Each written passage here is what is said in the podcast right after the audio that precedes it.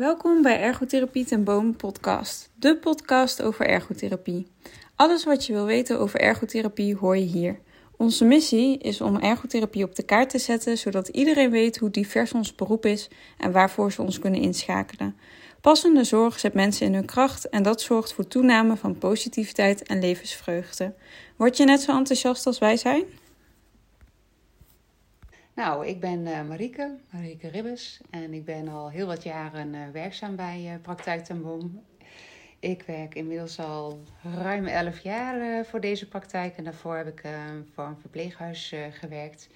En ik behandel verschillende doelgroepen, waaronder mensen met dementie, Parkinson, MS en mensen in de palliatieve levensfase. Ja, dus heel divers eigenlijk. Ja, absoluut. En uh, vandaag wilden we het hebben over de doelgroep dementie. En met name de behandelmethode volgens de EDOMA. Mm -hmm, dat klopt. En um, dat is een afkorting, heb ik me laten vertellen.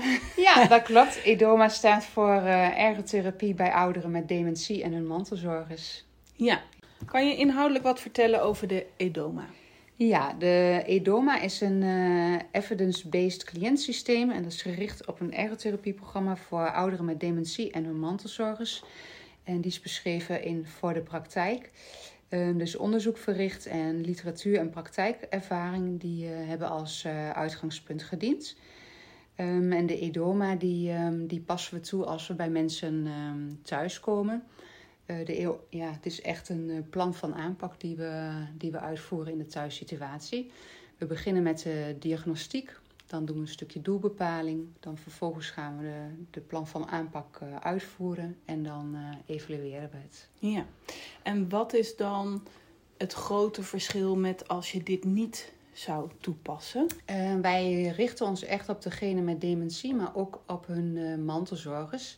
Um, als ik de eerste keer bij de mensen thuis kom, dan doe ik een gesprek samen met degene met dementie en hun mantelzorger. Dat kan een partner zijn, maar dat kan ook een dochter zijn of een buurvrouw of iemand van de zorg. Dan kom ik terug en dan ga ik echt met degene met dementie aan de slag.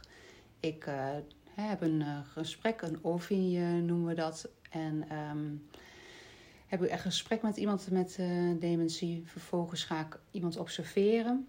Daarna heb ik een nieuwe afspraak. Ga ik met alleen de mantelzorger in gesprek. Heb ik een etnografisch interview.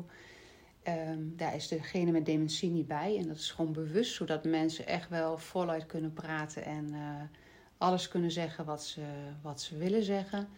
Als die gesprekken zijn gevoerd, ga ik, heb ik weer een gesprek samen met de mantelzorger en degene met dementie. En dan gaan we doelen bepalen voor de ergotherapeutische behandeling. Ja, en daar, dus het grote verschil is eigenlijk normaal gesproken. Hè, ik heb een hele andere doelgroep, maar dan zie ik iemand met partner erbij of niet. Maar ik spreek eigenlijk nooit echt die partner apart. Of, of de mantelzorger, hè, dat doe jij dan wel. Ja. Um, is dan ook het verschil dat je. Um, komt het ook voor dat, ze, dat iemand totaal andere doelen heeft? Ja, andere wensen? Ja, je ziet vaak dat uh, mensen met dementie natuurlijk gewoon niet uh, het inzicht hebben, geen ziekteinzicht hebben, waardoor zij zelf eigenlijk geen problemen ervaren. En de mantelzorger ziet gewoon degene met dementie heel erg in gedrag veranderen en uh, loopt tegen andere problemen aan of, hè, ja, dan degene met dementie.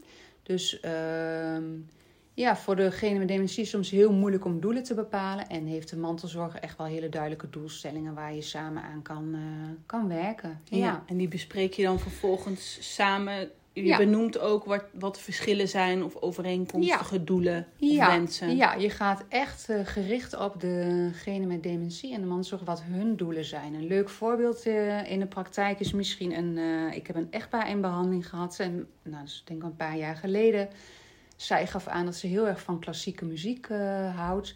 Hij gaf in zijn gesprek aan van... Goh, ik zou zo graag met mijn vrouw weer naar de Schouwburg willen... en samen luisteren naar klassieke muziek. Maar dat doen we eigenlijk nooit meer... omdat ik het te veel werk vind... en ik ben bang dat ze tussendoor naar de wc moet. Kan ik haar niet alleen helpen. Nou, tijdens het doelengesprek kwam er dus naar voren... dat zij heel erg van klassieke muziek uh, houdt... en hij zou heel graag weer naar de Schouwburg willen... Nou, dat hebben we dan als doel gesteld. En uiteindelijk is, het dan, is er een vrijwilliger met hun meegegaan, doordat ze wel met z'n tweeën naar de schouwburg konden, naar de klassieke muziek luisteren En op het moment dat mevrouw naar de wc moest, kon meneer blijven zitten en ging de vrijwilligste met mevrouw naar de wc. En ja, kon hij van zijn avond eh, genieten. Ja. ja. Mooi. En dat is dan een voorbeeld eigenlijk van wel dezelfde wensen. Ja. Heb je ook een concreet voorbeeld waarin de wensen misschien heel erg uiteen lagen? Ja, je ziet ehm, heel vaak mantelzorgers hebben heel veel vragen ten aanzien van eh, gedrag van degene met eh, dementie. Dat, ze, ehm, dat degene met dementie of boos wordt of eh, initiatiefverlies vertoont. Ehm, of dat mensen, met name mantelzorgers, zeggen: Ik kom gewoon niet meer toe aan dingen voor mezelf. Ehm, en dat degene met dementie zich daar niet in herkent. Die zegt: Nou, ik vind het prima om op de bank te zitten. Voor mij, hè, ik hoef niet zo nodig wat te doen. Of eh, degene met dementie wil heel graag eh, buiten wandelen, maar de mantelzorger durft het niet aan, want is bang dat degene met dementie de weg eh, kwijtraakt. Ehm, of, of je ziet ook dat er veel te grote doelen worden gesteld. Hè? Dat ehm, de mantelzorger van degene met dementie verlangt dat ze naar de winkel gaat en een heel boodschappenlijstje af gaat werken en gaat halen. En dat Ja. lukt niet. En dan kijk je goed. Hè? Je, naar de winkel gaan is voor jullie beiden wel misschien wel belangrijk. Maar dan kan je het eh, bijvoorbeeld ehm, eenvoudiger maken door te zeggen: iemand gaat alleen naar de bak om brood te halen. Ja. En, en de supermarkt doe je bijvoorbeeld samen. Maar dat, ja, dat komt inderdaad voor dat de doelen helemaal uiteen liggen. Ja. ja. En dan lukt het je toch middels dit programma of protocol, ik weet eigenlijk niet hoe ik het moet noemen, maar in ieder geval hè, de opzet van bepaalde stappen, lukt het je toch om tot consensus te komen. Ja, en dat je gaat kijken wat is belangrijk. Weet je, je wil de mantelzorger ook overeind houden. En als de mantelzorger niet overeind blijft, dan kan degene met dementie niet meer zelfstandig wonen. Ja, Dus eh, sommige doelen zijn alleen maar gericht op de mantelzorger. Dat is vaak al een stukje voorlichting over wat houdt de ziekte nou in. Wat kun Ja. je verwachten? Waarom zit iemand nou de hele dag op de bank? ja, waarom komt iemand niet meer tot handelen, tot dat... En ook eh, realistische doelen. Hè?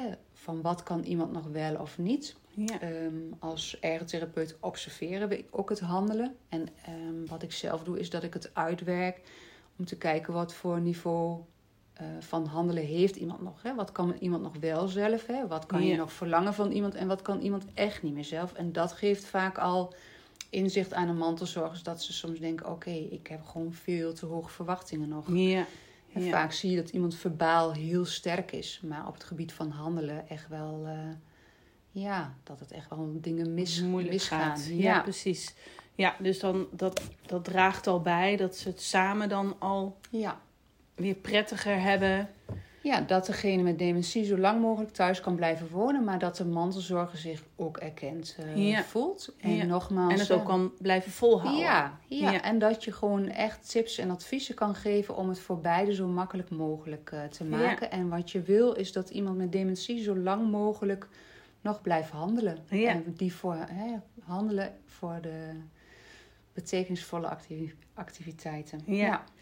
En ehm, vanaf wanneer zou dit, eh, deze methode dan geschikt zijn? In welk, in, in welk proces, in, in welke mate van dementie ehm, zou je dit toepassen, zeg maar? Al gelijk bij het begin of Ja. in een later stadium? Nee, ben je pas het liefste al eh, bij het eh, begin al toe. Als mensen een diagnose hebben gekregen van beginnende dementie, dan zijn we het liefste al in beeld, omdat we dan nog mensen strategieën kunnen aanleren die, die ze nog heel lang kunnen eh, gebruiken.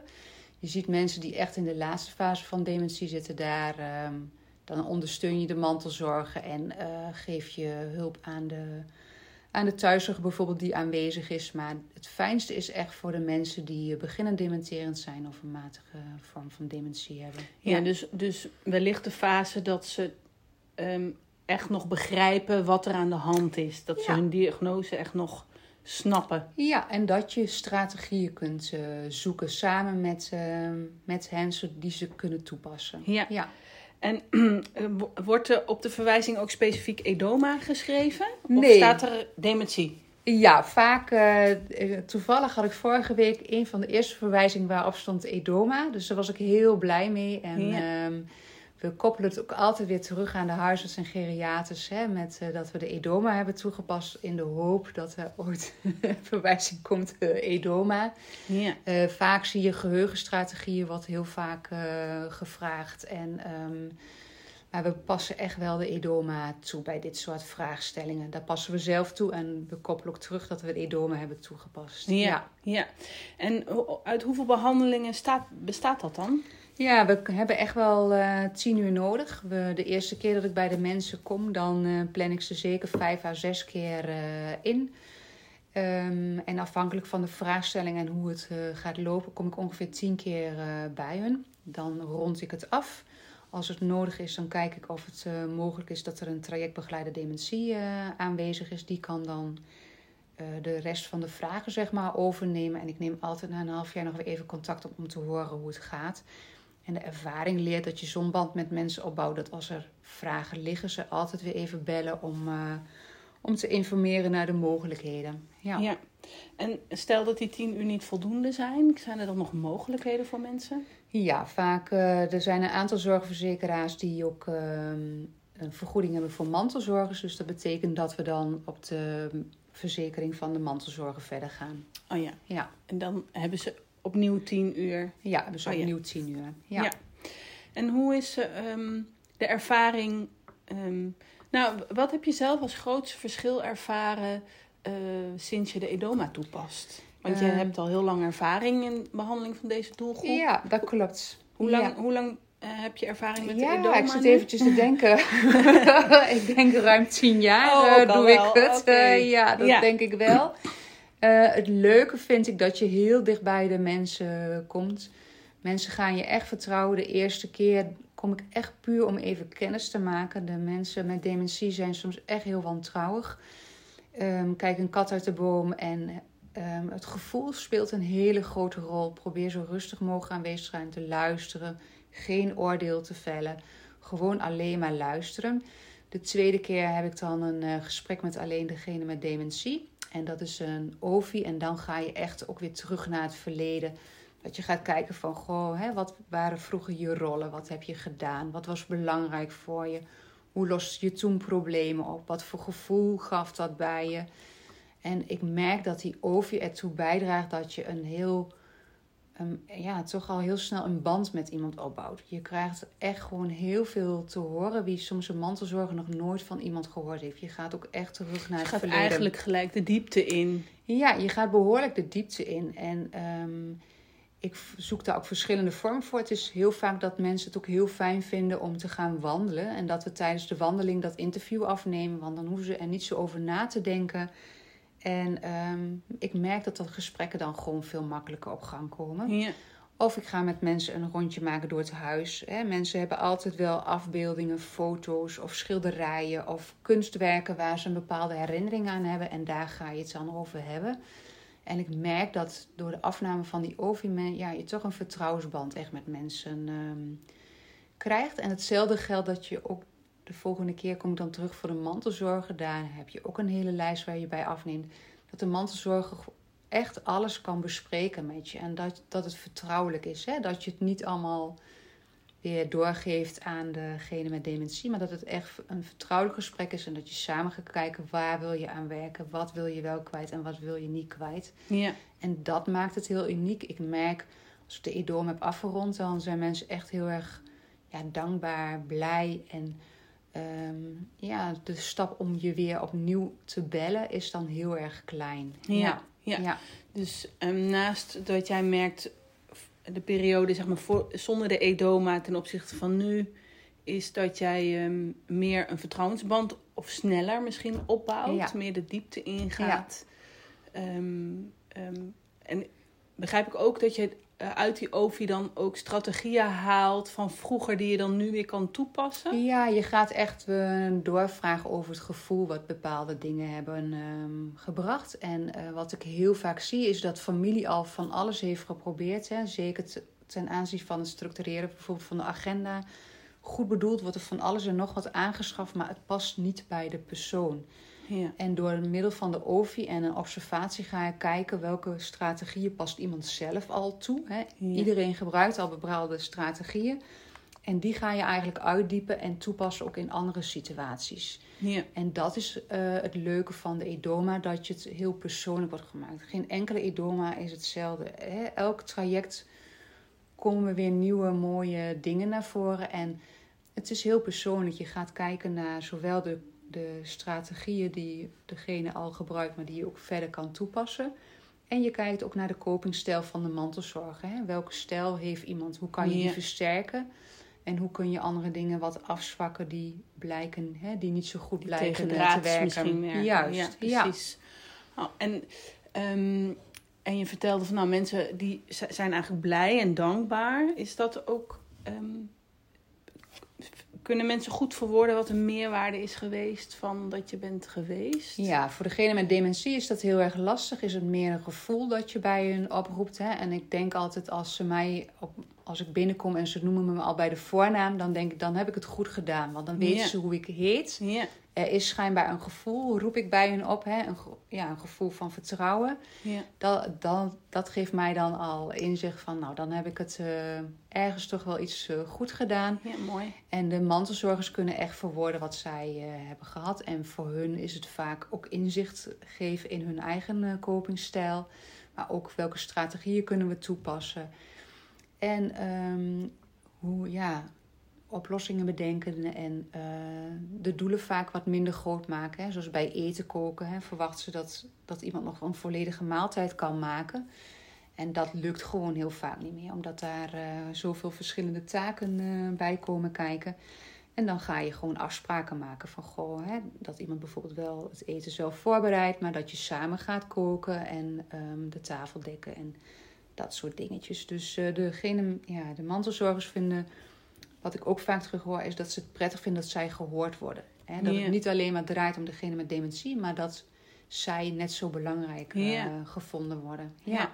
Ik kan me ook voorstellen dat een mantelzorger en zeker een partner ook partner wil blijven en niet de therapeut. Ja, en de rollen gaan natuurlijk verschuiven. Daar, daar kun je niet onderheen.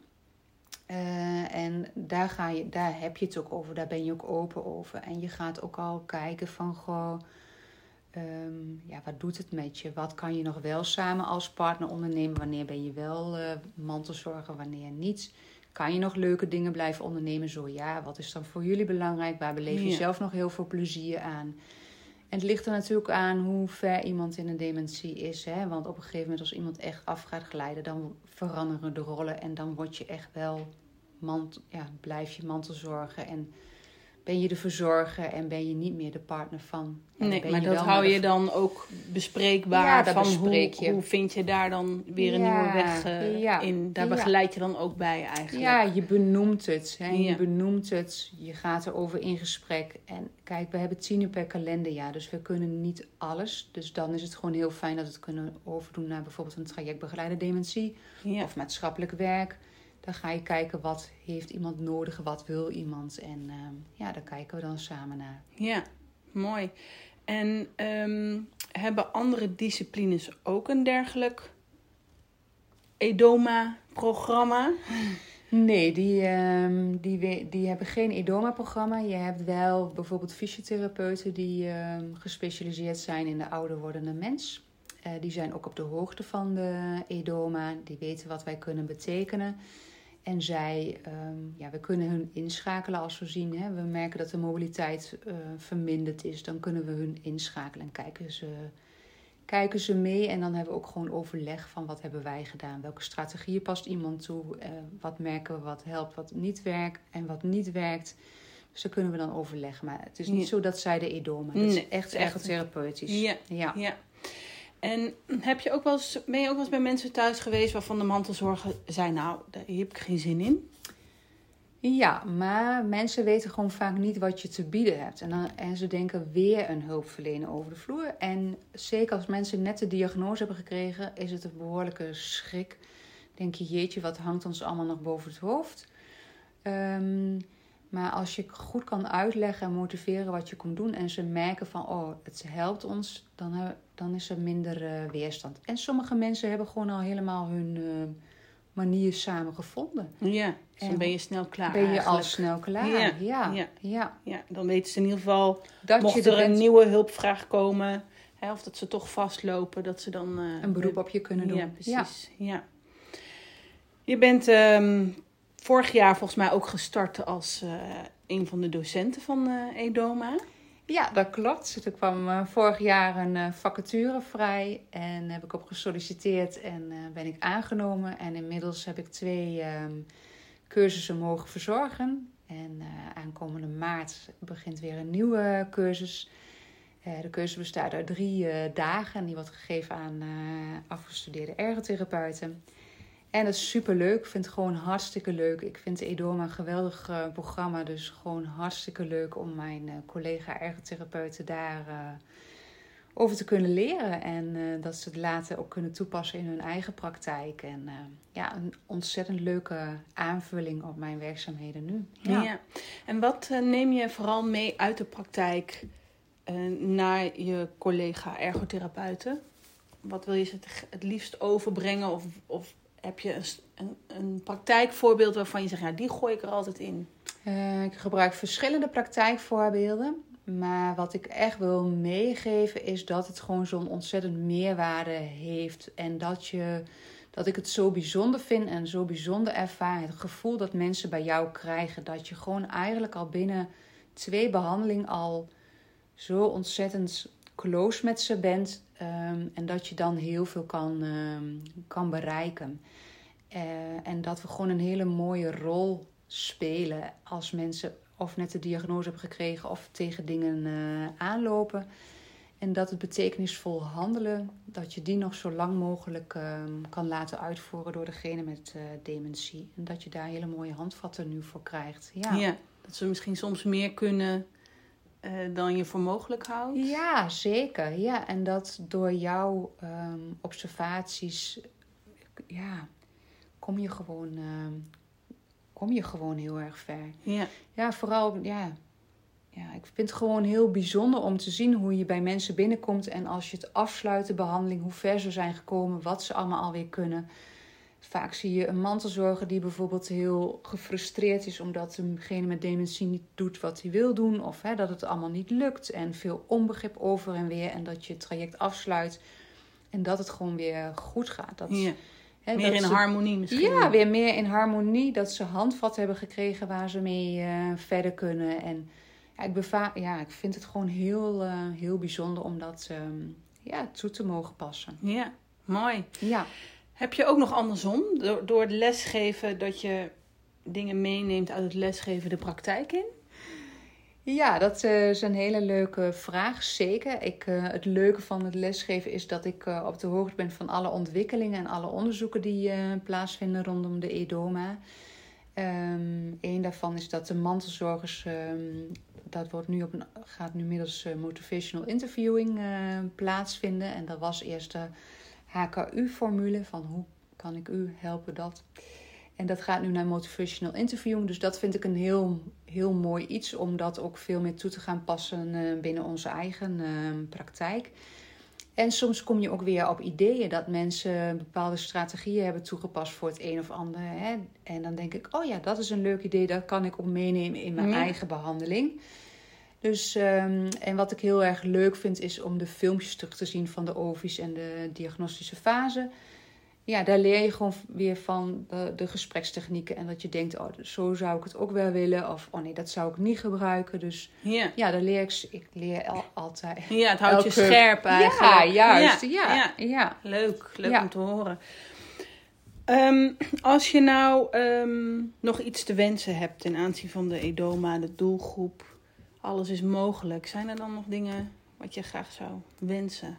Nou, ik wil de edoma graag nog meer op de kaart zetten.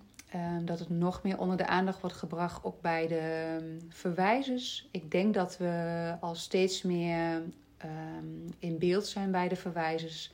Maar ik zou het heel leuk vinden dat we meer verwijzingen voor de edoma krijgen. En dat het gewoon nog meer op de kaart uh, wordt gezet. En um, ik zou het ook gewoon heel erg leuk vinden dat als de samenwerking met de trajectbegeleiders dementie, dat we dat, dat we gebruik, nog meer gebruik kunnen maken van elkaars uh, kracht. Ja. ja. Waarmee de cliënt geholpen wordt. Ja. ja. Uh, leuk, fijn om te horen hoe betrokken je bent bij de cliënten. En uh, ja, de luisteraars zien dat niet, maar ik zie het ook in je hele uitstraling, je bevlogenheid. Um, dus dat is heel mooi om te Bedankt voor het luisteren. Laat ons weten wat je van deze podcast vond en laat een review achter. Volgen en delen helpt ons om ergotherapie op de kaart te zetten. Daar worden wij blij van.